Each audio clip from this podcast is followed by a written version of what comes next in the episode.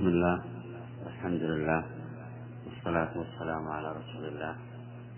اليوم إن شاء الله إن شئتم نبدأ بالموافقات لكن أريد أن أبين قبل أن نبدأ به أن الموافقات لن يفهمه أحد إلا إذا كان منتهيا من فهمه للقواعد الأصولية. فكتاب الموافقات ليس في أصول الفقه فحسب وإنما في أصول الفقه وغيره من القواعد الشرعية. فهو مبني.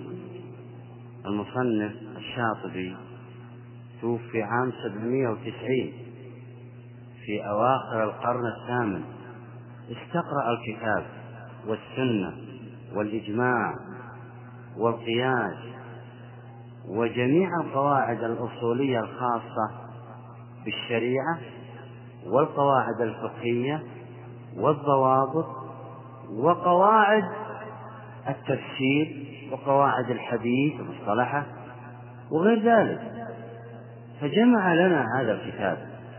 فلذلك هذا الكتاب آه هو لم يفهمه كما قلت إلا من فهم أصول الفقه من قبل. وصاحبنا هذا الشاطبي طويل نفس. تجده يبدأ بالفصل ويأتي بشواهد من أحاديث وآيات وآثار وقصص. ثم لا لا يتبين مقصوده إلا بعد عدة صفحات ومراده. أنا الآن سنبدأ به لكن سنبدأ من مقدمة لخصت ما ينبغي على المتعلم لأن المصنف رحمه الله قدم لنا مقدمات أو ذكر لنا مقدمات في أول الكتاب في المجلد الأول. ينبغي على كل طالب علم أن يتأمل فيها وأن يدقق فيها وأن يطلع عليها اطلاعا دقيقا على يعرف مكانه. هل يطلب العلم لأجل الشهرة أو لأجل المراكز أو لأجل أن يرى مكانه؟ أم يطلب العلم لأجل رفع الجهل عن نفسه ورفع الجهل عن غيره إن احتج إليه؟ والإنسان قد لا يعلم عن نفسه في هذا الأمر لكن إذا قرأ هذه المقدمات التي ذكرها الشاطبي والمقدمات التي ذكرها النووي في في مقدمة المجموع شرح المهذب عرف من هو. لماذا يطلب العلم؟ فلذلك المصنف لخص لنا هذه المقدمات بعدة صفحات سنقرأها الآن أو سنقرأ ما يمكننا أن نقرأه. فأعطنا المقدمة الثانية عشرة لأنه لخص في هذه المقدمة كل ما سبقه من المقدمة بأسلوب مبسط ومختصر. المقدمة الثانية عشرة. ذكر أولها كلاما. سنعود إليه فيما بعد لكن ابدأ من فصل من قوله فصل وللعالم المتحقق من العلم أمارات وعلامات. بسم الله الرحمن الرحيم. الحمد لله رب العالمين والصلاة والسلام على رسول الله. وعلى آله وأصحابه أجمعين. اللهم اغفر لنا ولشيخنا وللحاضرين. برحمتك يا أرحم الراحمين. قال الإمام الشاطبي رحمه الله تعالى في كتابه الموافقات. الدعاء في المجالس في مجالس العلم منهج اتبعه السلف الصالح. كان الإمام أحمد وأبو حنيفة والشافعي فيما روي عنه أنهم يدعون قبل أن يبدوا بالحلقة وهذه مجالس الذكر من أعظم المجالس عند الله ومن أهمها إذا كان الشخص مخلصا مخلصا لله. أما إذا كان غير مخلص كل واحد يجلس ولا ما يجلس؟ كل واحد. نعم. قال رحمه الله تعالى فصل وللعالم المتحقق بالعلم أمارات وعلامات تتفق على ما تقدم وإن خالفتها في النظر وهي ثلاث. نعم. الآن هو شيء يختصر لكم. من هو العالم الذي ينبغي أن تأخذوا منه وتأخذوا عنه العلم؟ من هو الشخص الذي ينبغي أن تقتدوا به؟ ليس كل شخص. لو كان أذكى العالم لا يؤخذ منه عن ظاهره وعما يتكلم عنه أو يأتي لكم بالغرائب والعجائب وتأخذوا عنه. شيء يصف العلماء الذين ينبغي أن يؤخذ عنهم. لذلك هذه الأمور وهذه العلامات والأمارات إذا سلكتها أيها الطالب المخلص للعلم الذي ستسلك وظيفة الأنبياء العلم التعلم والتعليم. إذا سلكتها فأنت ستصل وتصل إلى درجة الاجتهاد. وإن لم يحتاج إليك وإن لم يحتاج إليك أحد فإنك ستؤتى أجرهم وستعطى ثوابهم لأنك جاهز لكل ما آه، ينبغي أن يطلب منك في الشريعة طبعا. فقال هنا إذا أردت أن تطلب العلم فاطلبه عن طريق العلماء. والعلماء لهم أمارات. ليس كل عالم ينبغي أن تطلب أو تأخذ عنه العلم. وليس كل ذكي أو فطن أو نحو من يؤخذ عنه الشيء. ينبغي أن يتصفون بصفات هذه الصفات هي كما يلي. أولا. إحداها العمل بما علم حتى يكون قوله مطابقا لفعله فإن كان مخالفا له فليس بأهل لأن يؤخذ عنه ولا أن يقتدى به في علم. وهذا المعنى مبين على الكمال في كتاب الاجتهاد والحمد لله. إي نعم. سيأتينا في المجلد الرابع إن شاء الله. عقده كله للاجتهاد والتقليد فتكلم عن هذه المقدمة عن هذه الأول هنا وقال ينبغي ألا تأخذ العلم أو يستفتى إلا صاحب العدالة. ما هو صاحب العدالة؟ هو الذي اجتمعت فيه العدالة هي هيئة راسخة في النفس تحمل صاحبها على ملازمة التقوى والمروءة. فإذا اجتمعت عنده التقوى والمروءة فإنه يؤخذ عن العلم ويستفتى أو يستفتيه العوام.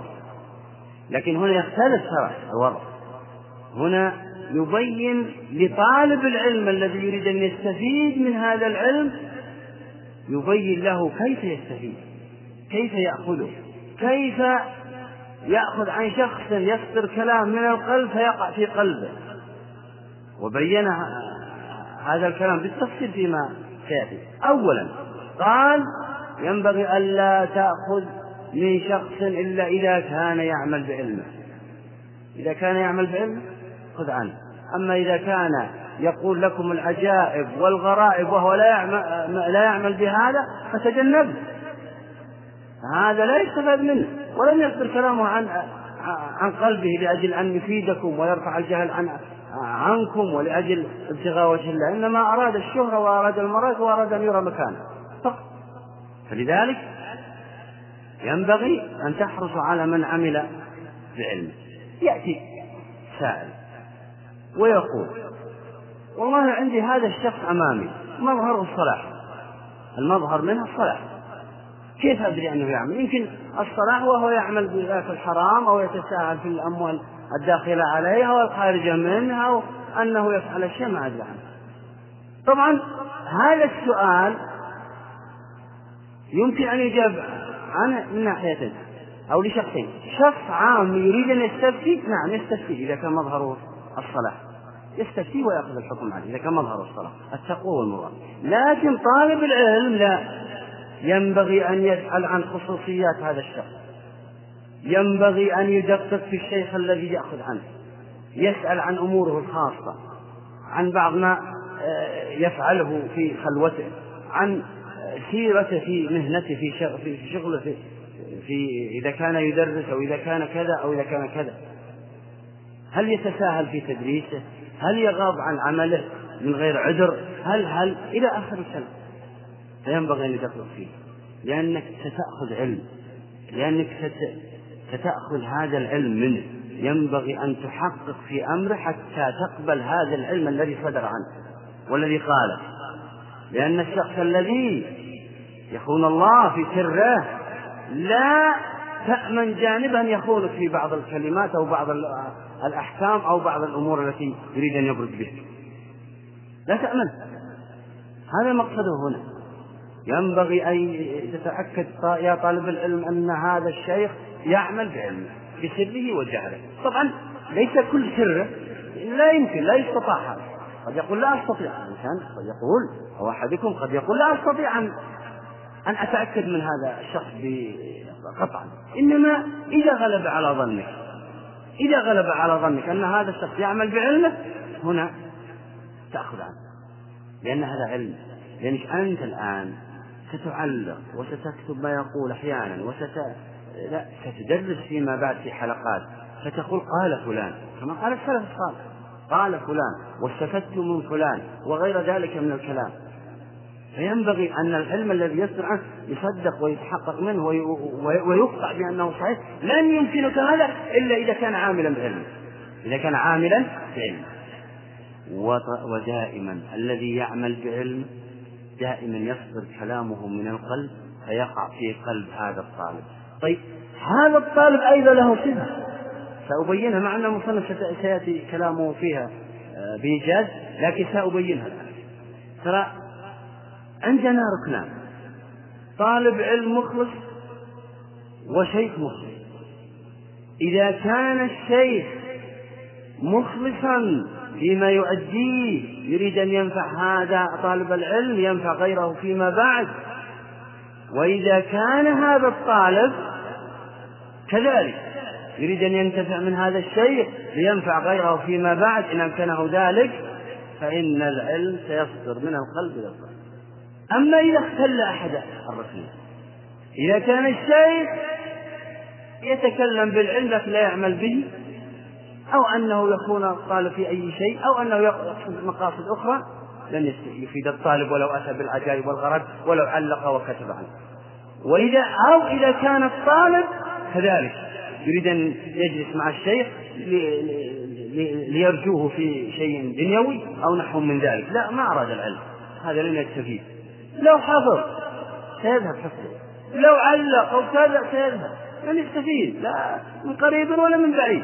مهما كان. إذا أراد الدنيا وأراد أن يبرز نفسه أنه قال شيخنا وقال شيخنا مثل الآن ما يبرز في بعض آه، يقول قال شيخنا وجلس معه جلسة أو جلسين أو عشرة أو كذا. لا الشيخ ليس هذا. الشيخ كما فعل آه، محمد بن الحسن وأبو يوسف آه، بالنسبة للإمام أبي حنيفة. وكما فعل تلاميذ الشيخ تلاميذ الشافعي وتلاميذ الإمام أحمد بن حنبل والتابعين بالنسبة للصحابة كانوا يلازمونهم في في آه، جميع أمورهم في الحلقات وفي خارج الحلقات في المساجد في كذا في كذا إذا رأوهم في كذا يقتدون بهم سيأتينا أن الملازمة مفيدة ولو لم تكن في علم. ملازمة الطالب لشيخه مفيدة ولو لم تكن في علم وسيأتي استدلال استدلال الشاطبي للصحابة بالنسبة للنبي صلى الله عليه وسلم والثامن بالنسبة للصحابة وغيرهم مما سيأتي إن شاء الله. فلا بد من توفر هذين الركنين. طالب طالب علم مخلص لله يريد أن يرفع الجهل عن نفسه وعن الآخرين ولو اتهم الإسلام بشيء لبين هذه الشبهات ورد ولا رد على مزاعم الآخرين. إلى آخره يستعد إذا إذا استطاع. أما إذا منع من سلطان أو من غيره فهذه قدرة. من رأى منكم منكرا فليغير بيده فإن لم يستطع بلسانه يستطع بقلبه. آه أما أنه يأتي شخص كذا أو كذا قد يقول قائل أنا لا أدري عن نفسي الآن. أنا الآن أطلب العلم إن شاء الله استفيد لكن فيما بعد إذا عرض علي شيء من حيث الأعمال والمراكز وغير ذلك فإني ما عن نفسي قد أقبل. قد تكون ظروفي ما تسمح إلا بقبولي هذا. نقول أبدا. كان العلماء أفقر الناس في عصورهم حتى أن بعضهم لم يحج من فقره. كأبي إسحاق الشيرازي وغيره. وكانوا يهانون. في عصورهم من قبل السلاطين ومن قبل الخلفاء ومن قبل غيرهم ممن من الأغنياء. لن تموت جوعا.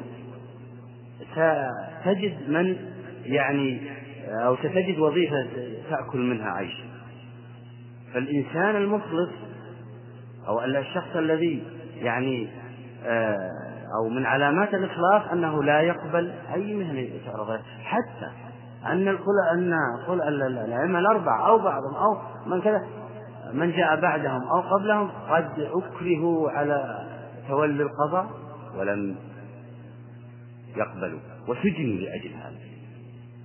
له أسباب عدم قبولهم طبعا عدم قبولهم له أسباب كثيرة. منها أنهم يريدون أن يتفرغوا لهؤلاء الطلاب.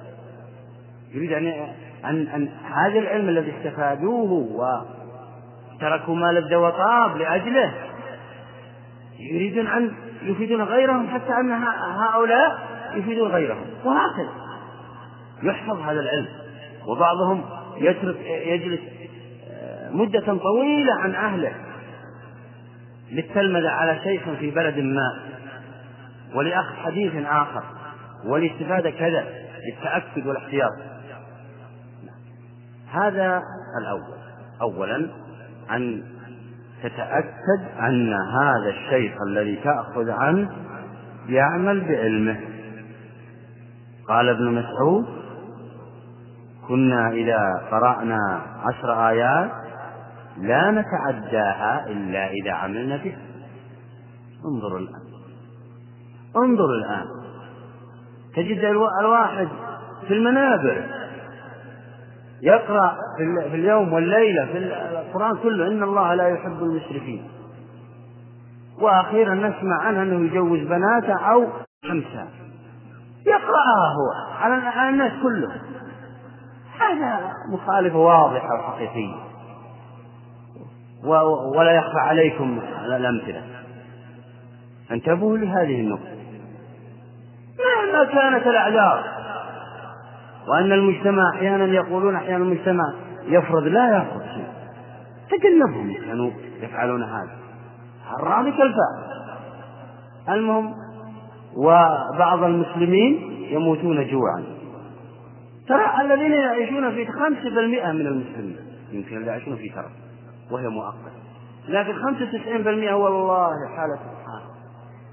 وأنا رأيت رأيت والله رأيت بعض ال ال ال الأحياء المسلمة في بعض البلدان العربية الإسلامية يوضع لهم دورات مياه في الحي في وسطه. فإذا أراد الإنسان حاجته في وسط الليل يقبض شيء. هذا هذا الذي يريده أعداء الإسلام.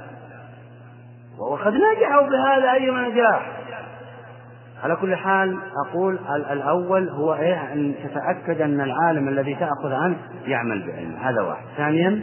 والثانية أن يكون ممن رباه الشيوخ في ذلك العلم لأخذه عنهم وملازمته لهم. فهو الجدير بأن يتصف بما اتصفوا به من ذلك.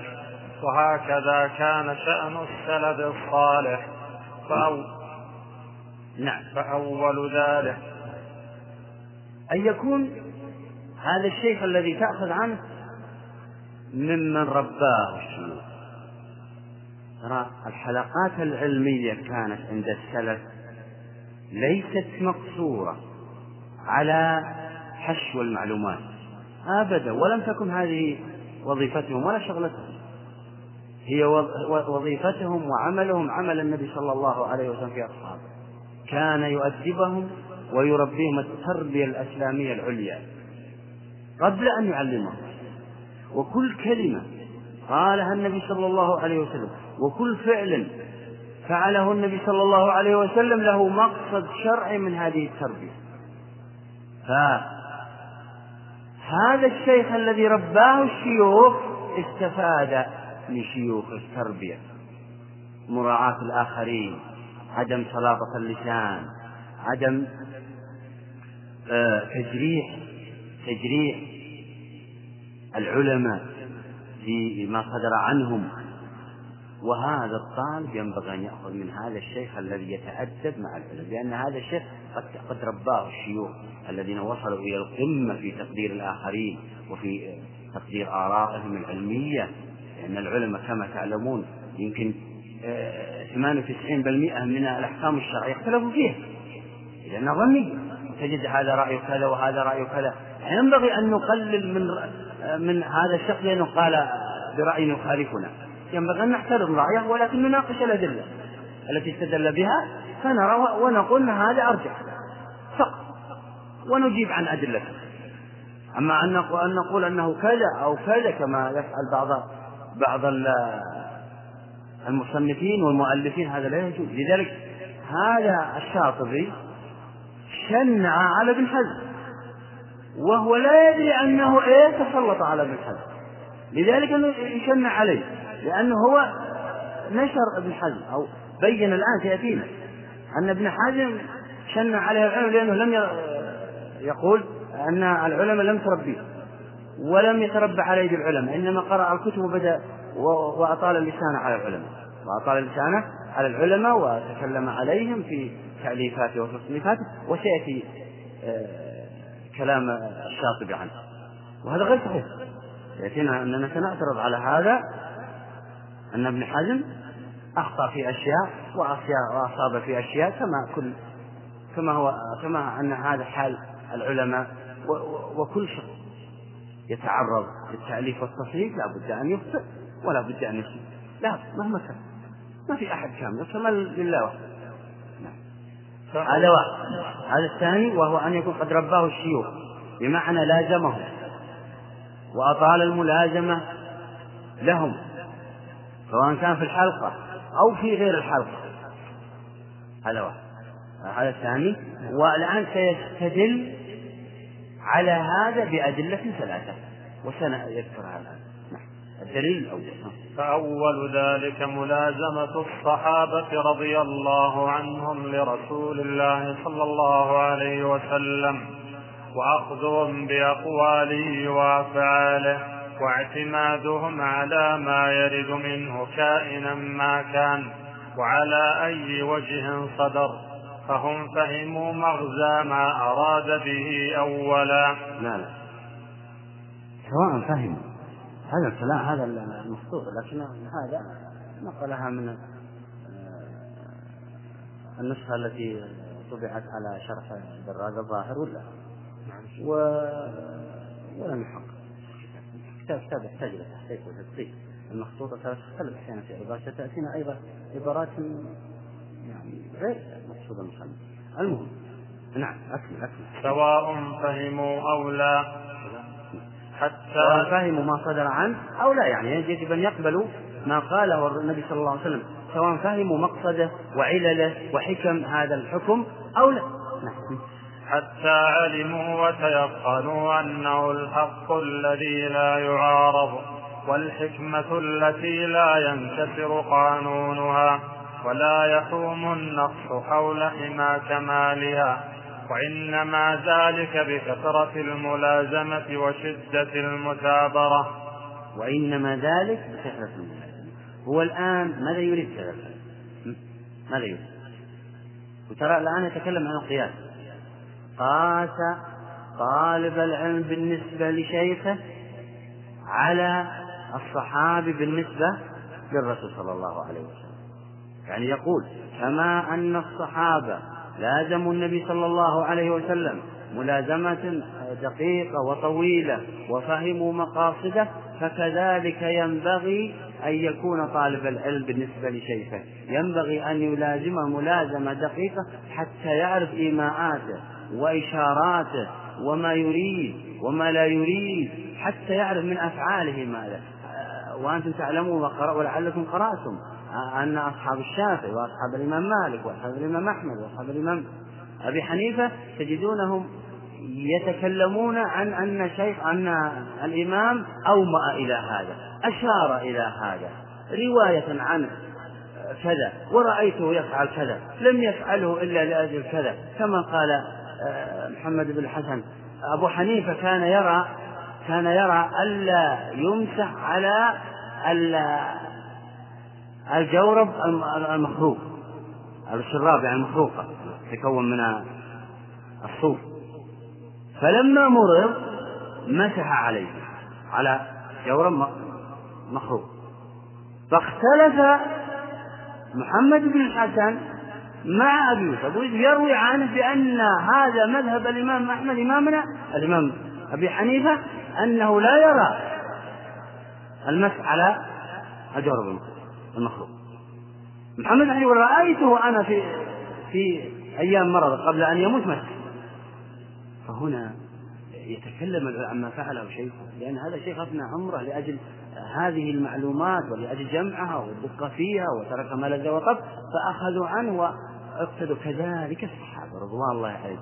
تعترض أفعاله مع أقواله يعني وهذه معروف تعارض الأفعال مع الأقوال. لها باب واسع طيب الآن هو هذا الدليل يقول أو أو يبين أنه قاس حال التلميذ مع شيخه على حال الصحابي مع إيش؟ مع النبي صلى الله عليه وسلم هل هذا القياس صحيح؟ أسأل الآن هل هذا القياس صحيح أم لا؟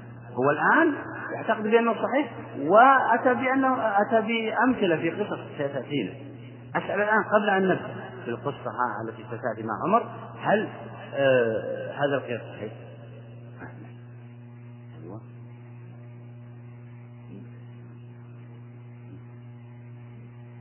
لا هو قولك انهم ملزمون ليس من ملزمين لأن بعض الصحابة كان يتاجر وكان يجعل احدا عنه آه، يوم ثم يأتي اليوم الآخر إلى آخره.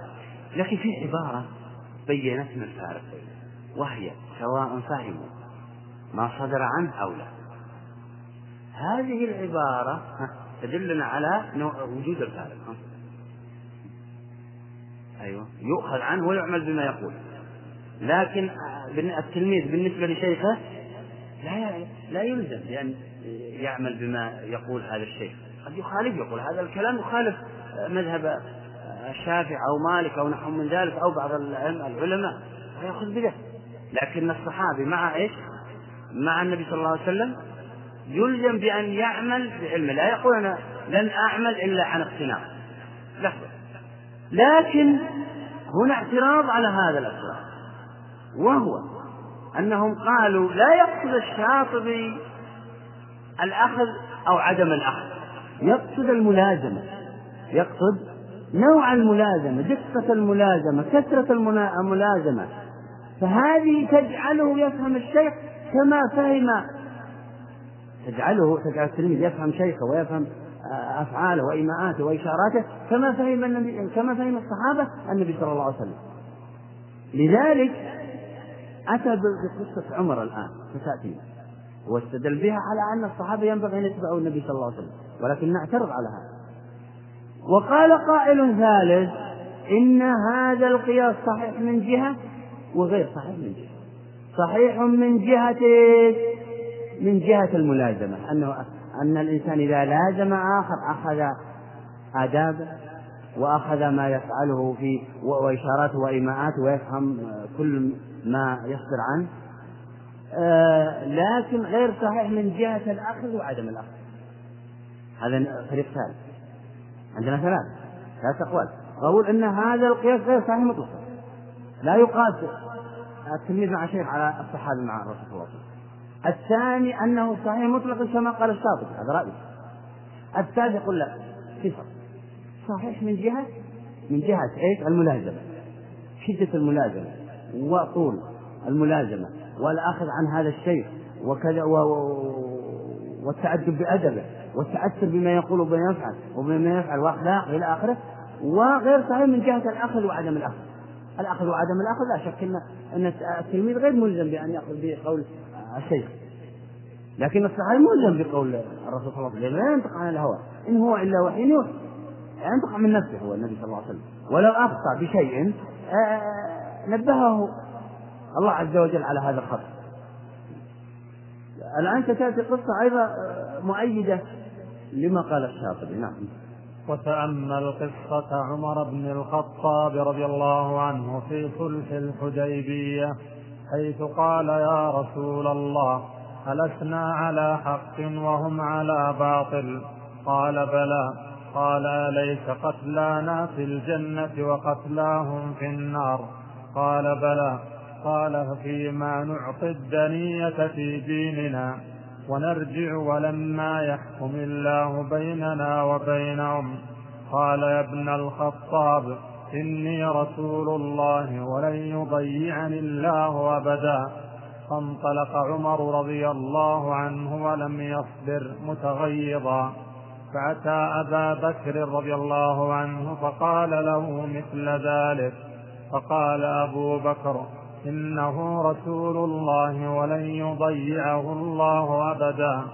قال فنزل القرآن على رسول الله صلى الله عليه وسلم بالفتح. فأرسل إلى عمر فأقرأها إياه. فقال يا رسول الله أو فتح هو قال نعم فطابت نفسه ورجع. فهذا نعم. هذه القصة تدل على ما أراده الشاطبي. ها من يبين موضع الشاهد هنا في هذه القصة؟ أن كثرة الملازمة تجعل التلميذ يعرف مقاصد الشيخ ولا يعترض عليه. لأن أحيانا المقصد ما يتبين في في أول الجلسة. كثرة المجالسة هي التي تجعل التلميذ يفهم إشارات وإيماءات وهذا آه، الشيء. ولن؟ ممتاز هذا موضع الشاهد. انظروا الفرق بين عمر وبين أبي بكر. أبو بكر كثير الملازمة للنبي صلى الله عليه وسلم لأنه له في التجارة تخدمه في هذا وله أناس يخدمونه أما عمر فكان يوما يجلس ويوما يذهب كما تعلمون قصة مع الشخص الآخر يكسبون قوت أولادهم وكان الذي يجلس يحدثه بالليل بما قال النبي صلى الله عليه وسلم وكذلك عمر يفعل مع صاحبه وكذلك كثير من الصحابة يفعلون هذا. كثرة مجالسة أبي بكر للنبي صلى الله عليه وسلم جعلته يقول هذه المقالة التي لم يسمعها من النبي صلى الله عليه وسلم. ماذا قال؟ إنه رسول الله ولن يضيعه الله. نص ما ذكره الرسول صلى الله عليه وسلم وهو لا يعلم. رآها عمر وأنتم تعلمون أن عمر يستشكل عدة استشكالات وقد وافقه القرآن على بعضها. أنتم معي وكان جريئا في هذه الأمور. هو قال في هذا خشيت أن يعاقبنا الله على هذا. فهذه يقول من فوائد الملازمة كما سيأتي قوله. قال فهذا من فوائد الملازمة والانقياد للعلماء والصبر عليهم في مواطن الإشكال حتى لاح البرهان للعيان لاحظتوا؟ يعني الصبر على المشاكل وعدم إحراجهم في كثير من الأمور وعدم السؤال والاستشكال الارتجالي بعض الطلاب الآن يحضر الجلسة والحلقة فإذا انقدح في ذهنه شيء. سأل وهذا السؤال يمكن آه، يعني لو صبر قليلا أو بعد يومين لأجاب عن نفسه من خلال آه، الكتاب الذي يقرأ يشرح أو نحو من ذلك. فلذلك الصبر والجلد عليه في كل الأمور في جميع فصول السنة هذا يجعل الطاعة يجعل الله عز وجل طبعا لا أنتم تعلمون تمام العلم. لأن في كل حركة من طالب العلم وكل آه، سكينة وذهاب وإياب له أجر. معاذ ماذا يقول؟ إني أحتسب على الله قومتي ونومتي. لماذا؟ رسول الله يقول عن معاذ أعلمكم بالحلال والحرام. معاذ لأنه جعل كل زمنه طلب للعلم والدقة فيه والتحقيق فيه. أنت معي؟ فأكل الإنسان شربه قيامه قعوده ذهابه آه، تفكيره. إذا كان في العلم وإذا كان مخلص أهم شيء شرط الإخلاص أهم ترى من كثرة حفظك للقرآن والسنة وغير ذلك. اخلص. إذا أخلصت القليل ينفعك. ولكن إذا ما أخلصت الكثير لم ينفعك. مهما كنت ترى مهما كنت ابن فلان وفلان ومهما كنت عندك حافظة قوية إذا أخلص يقول العلماء ليس الأئمة الأربعة ألف العالم في عصرهم. ومن جاء بعض ومن مذاهبهم مندثرة يعني اندثرت ما وجدت دولة ترفع آه، أو تشيد من مذاهبهم كالأوزاعي والثوري وأبو ثور والحسن البصري ومحمد وعبد الله بن مبارك والليث بن سعد وغيرهم وغيرهم ممن اندثروا اندثرت وعطاء وغيرهم من اندثر مذاهبهم. آه، هذا يقول من جاء بعدهم لم يكونوا أذكى العالم ترى. ولكنه في عصرهم ولكنهم أخلصوا لله فأطال الله ذكرهم وأراد أن يجرهم إلى أن تفنى هذه إلى أن يفنى هذا العالم. هذا هو الحياة الطويلة الصحيحة. ليس بالمال ولا بالصيت ولا بالمراكز انظروا مثلا الدولة الأموية الدولة العباسية آلاف المؤلفة من الأمراء ومن الأغنياء ومن من يملك القناطر المقنطرة من الذهب والفضة حتى أن أحدهم إذا مشى في الشارع مشى وراءه قريب من ألف وكان العلماء في زوايا يؤلفون ويصنفون ويشرحون لتلاميذ مخلصين مثلهم أين هم؟ أين هؤلاء وأين هؤلاء؟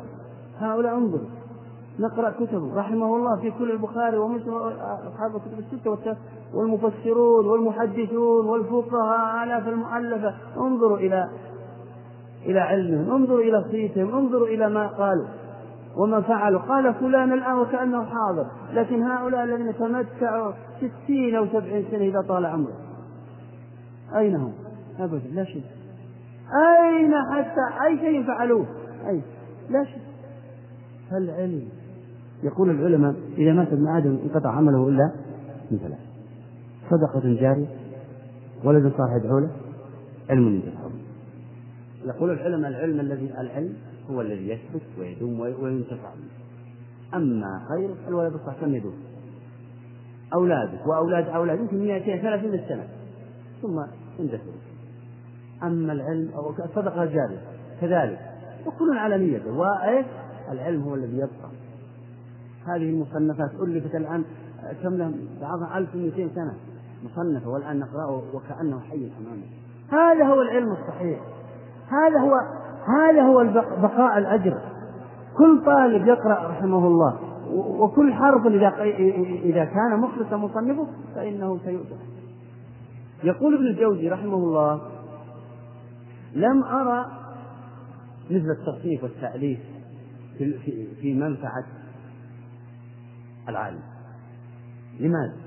لأنه يبقى إذا كتب له البقاء طبعا إذا وفق إلى أن هذا الكتاب ينتشر. وكم من الآن مثلا الكتاب الواحد تجد له نسخ في المغرب له نسخ في المشرق له نسخ في أي مكان من كتب الإسلام.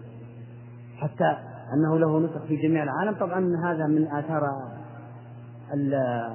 الاستعمار في العالم العربي والعالم الإسلامي. لما لا نهبوا هذه المكتبات المخطوطات ووجدناها في مكتبات في باريس في إسبانيا في آه تركيا في أي وجدنا ملايين المخطوطات الله سمحوا لنا أن نأخذها بعض المثل. هذا هو لذلك أنا أقول لكم الإنسان ينبغي مهما عرض عليه يخلص لله في هذا العلم لعل احدا يأتي ويستفيد. يقول ابن الجوزي أنا ما كملت لكم ما قال يقول لما انقطع عني الطلاب طبعا كان صغير السن توفي عام ست توفي وعمره 46 سنة. آه، وكان في عصره آه، علماء كبار في الرافع وغيره على السبعين. وكان الطلاب يذهبون إلى هؤلاء الكبار طبعا يأخذون من تجاربهم ومن خبراتهم ومن أيضا شروحهم كذا ووضع حلقة وانقطع عنه الطلب يقول يقول النووي رحمه الله النووي لا لا النووي النووي يقول لما انقطع عني الطلاب اشتغلت بالتصنيف والتأليف لعل أحدا يستفيد. انظروا إلى أخلاقه صار الآن هو إيش؟ العمدة عند الشافعية. النووي صار هو العمدة عند الشافعية. إذا روي عن الإمام الشافعي رأي ورأي آخر خالفه قالوا ماذا يقول النووي عمله إخلاصه. بينما لم كتب لا لا لا لا, لا. كبار العلماء في عصره هو جاء وحق ونقحها وهذبها مع أنه اختصر الكتب وشرحها. ما ما أتى بشيء. إلا أنه رجح بعض الترجيحات إنما لأنه أخلص لله. أخلص لله. فالله عز وجل آه، أثابه على ذلك وأبقى ذكره لأجل أن يزيد في ثوابه كما تعلمون. يرفع الله الذين آمنوا والذين يؤمنون درجات نعم. أيوه. هو كثرة الملازمة من آثارها من آثارها الإيمان وقوته وعمر قوي الإيمان. لا يمكن أن نشك في هذا. ولكن عمر يريد أن يريد أن يعرف كما تعلمون تشكل أمور كثيرة وجاء القرآن ونزل ونزل بموافقته في بعض الأمور. وبعضها لا. فكثرة الملازم من آثارها هو قوة الإيمان. لذلك تجدون الملازم للشيخ الملازم للشيخ دائما عنده إيمان قوي وأكثر من غير الملازم. لذلك تجد أبا حنيفة رحمه الله أو غير من الأئمة الأربعة أول ما يجعل أو يكون درسا أو حلقة في أي كذا كثيرون لكن الذي يبقى من هم الذين يعتقدون صدق صدقة ويعتقد انه عالم ينبغي أن يؤخذ عنه وهم سته تلاميذ الإمام أبي حنيفة الذين أخذوا عنه والذين جاءوا الحنفية المتاخر المتأخرون وأخذوا عن هؤلاء. علم؟ كذلك الإمام. كذلك الشيخ. قلة. قلة. ولكن ما الذي صنع صنع هؤلاء قلة؟ كل واحد صار له تلاميذ. هذا ستة. وكل طالب صار له ستة. وهكذا. شعب. وانظروا إلى هذه البركة. بركة ما بعدها بركة. هذا المصنف أو هذا المؤلف كم سيقرأه؟ إن كم سيقرأه؟ ما أحد ولا يحصل وفيه قال أعد العبارة فهذا من فوائد الملازمة. فهذا من فوائد الملازمة. يعني يقصد هذا الإشارة يعود إلى ما قاله أبو بكر. إلى ما قاله أبو بكر. هذا من فوائد الملازمة. أنه إيمان راسخ دقيق ذكر ما نص عليه الرسول صلى الله عليه وسلم. إنه رسول الله. إن الله هو الذي أرسله ولن يضيعه. وتعرفون آه، موقفه من الإسراء والمعراج. كما تعلمون؟ وأبو بكر كما تعلمون له مواقف عظيمة. نعم.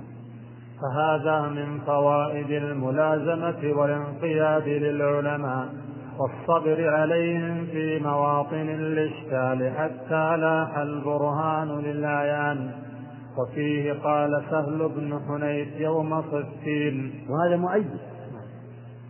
مؤكد طبعا هي قصة الفتح معروفة. ها؟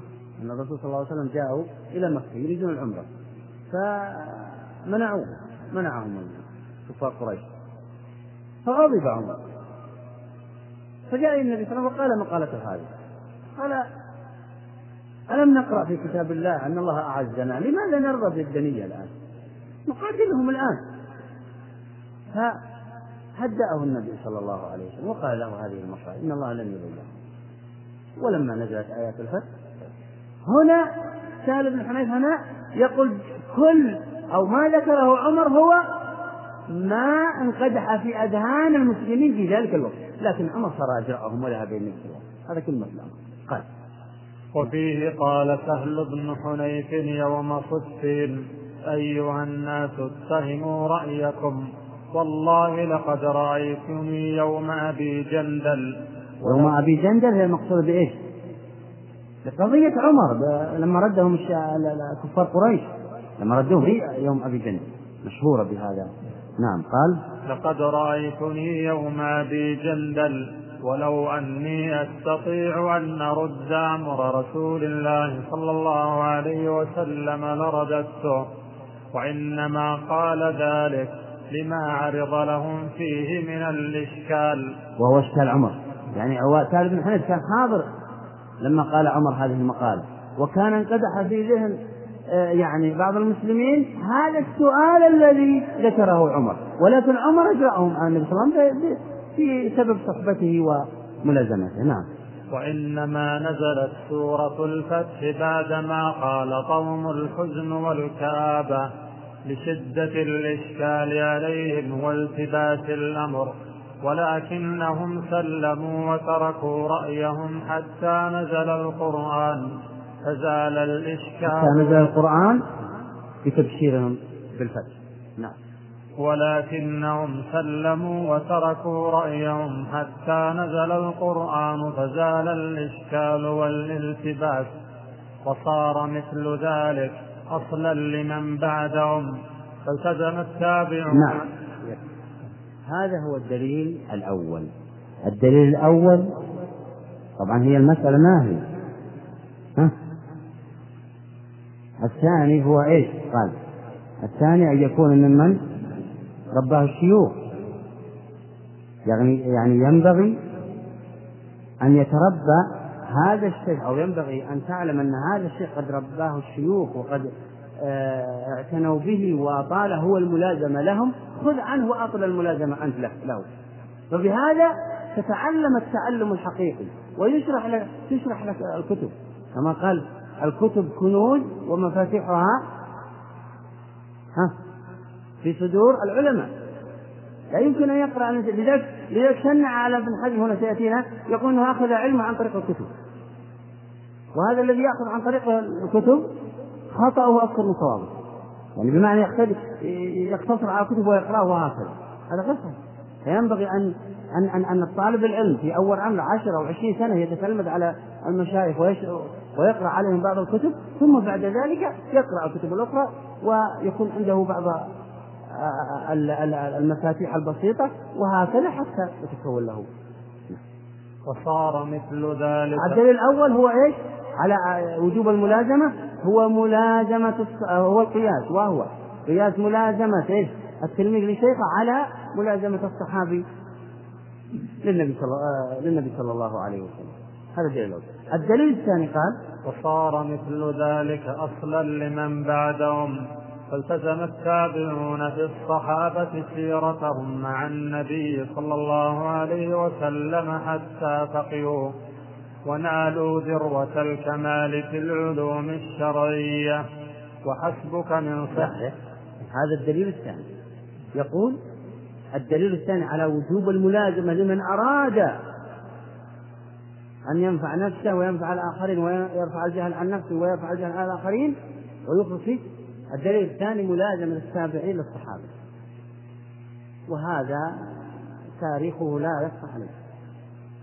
وقصص سعيد بن المسيب وغيره من الذين لازموا الصحابة وأخذوا عنه لا يمكن أن تخفى على أحد. فلذلك يقول هنا نتيجة الملازمة أنهم أفادوا واستفادوا لمن بعدهم. لأن من الذين بعدهم؟ هم تلاميذ الأئمة الأربعة. الذين بعد التابعين هم تلاميذ هم شيوخ هم شيوخ الأئمة الأربعة. تلاميذ التابعين.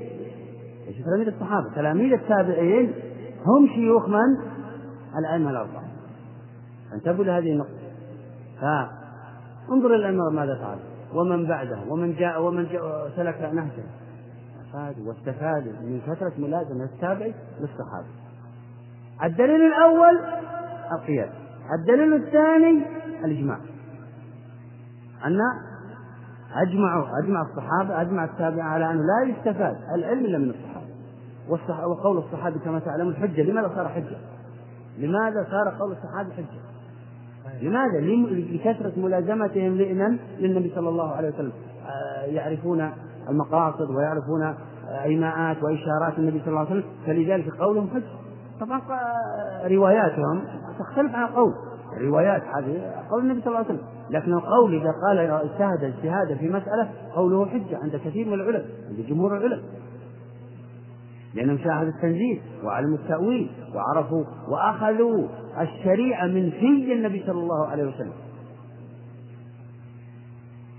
ثم قال وحسبك من هذا الدليل الثالث وحسبك. ها. وحسبك من صحة هذه القاعدة أنك لا تجد عالما اشتهر في الناس الأخذ عنه إلا وله قدوة واشتهر في قرنه بمثل ذلك. وقلما وجدت فرقة زائغة ولا أحد مخالف للسنة إلا وهو مفارق لهذا الوصف. وبهذا الوجه وقع التشنيع على ابن حزم الظاهري. نقول الدليل الثالث هو الاستقراء والتتبع لحالات العلماء الذين نفعوا الأمة. يقول أنا لما استقرأت العلماء الذين نفعوا الأمة هو في القرن ترى آخر الثامن توفي عام 991 791 أو 90 أنتم معي؟ فيقول لما استقرأت العلماء الذين انتفع بهم وسيرهم وجدت أنهم قد تتلمذوا على مشايخ قد ربوهم المشايخ الذين قبلهم. وينبغي أن تكون مثلهم إذا إذا أردت أن ينتفع منك فيما بعد أو تنتفع أنت بنفسك فتتلمذ على المشايخ الذين تربوا في التربية الإسلامية وطريق هذا هم المشايخ. لذلك قال وقد شنع أعد العبارة وبهذا الوجه وقع التشنيع على ابن حزم الظاهري وأنه لم يلازم الأخذ عن الشيوخ ولا تأدب بآدابهم وبضد ذلك كان العلماء الراسخون كالأئمة الأربعة وأشباههم.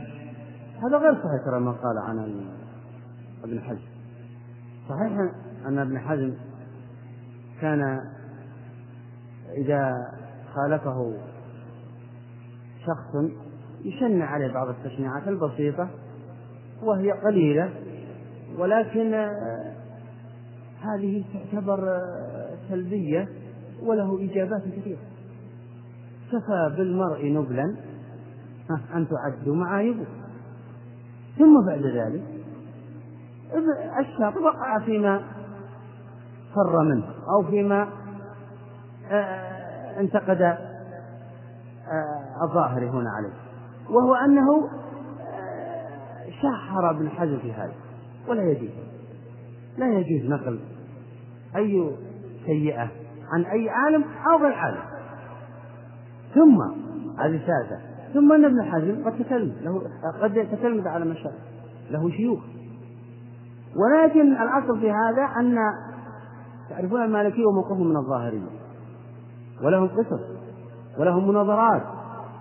وإن شئتم اقرأوا مقدمة تحقيق كتاب إحكام الفصول في أحكام الأصول البادي أبي الوليد البادي مالكي معي وقع بينه وبين ابن حزم مناظرة.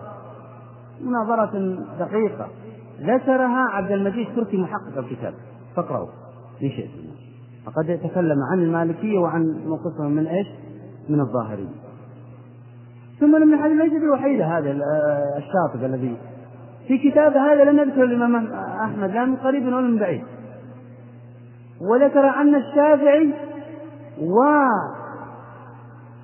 غير قاصرين في الاجتهاد. أما مالك فهو الذي كمل في الاجتهاد وهذا كان نوجد اعتراضات عليه سيأتي مثلا لذلك لا يخلو أي كتاب من السلبيات. يعني كل إنسان له سلبيات وله إيجابيات ولكن العلماء له إيجابياتهم أكثر. كما لأن الكمال لله وحده. لا تستغربوا هذا. وينبغي أن تقرأوا الكتب قراءة صاحب لا قراءة المسلم دائما. دققوا حتى أن العالم إذا كان يعني كلامه يأتي النسخ ويغير بعض الألفاظ هل تقبلها عنه؟ لا يمكن أن تنسب إلى عالم شيئا هو لم يقل ينبغي أن تأكد من المخطوطة أو إذا كان العلم أو إذا كان ال ال ال هذا الحكم غير صحيح أو شكك فيه تتأكد من النسخ كم من ناسخ قد إيش؟ قد غير بعض الألفاظ لغرض أو آه، لعدم غرض لقصد أو لعدم قصد سيأتينا نماذج من هذا. انتهى الوقت. وصلى الله على نبينا محمد وعلى آله وصحبه أجمعين. نقف على هذه النقطة إن شاء الله.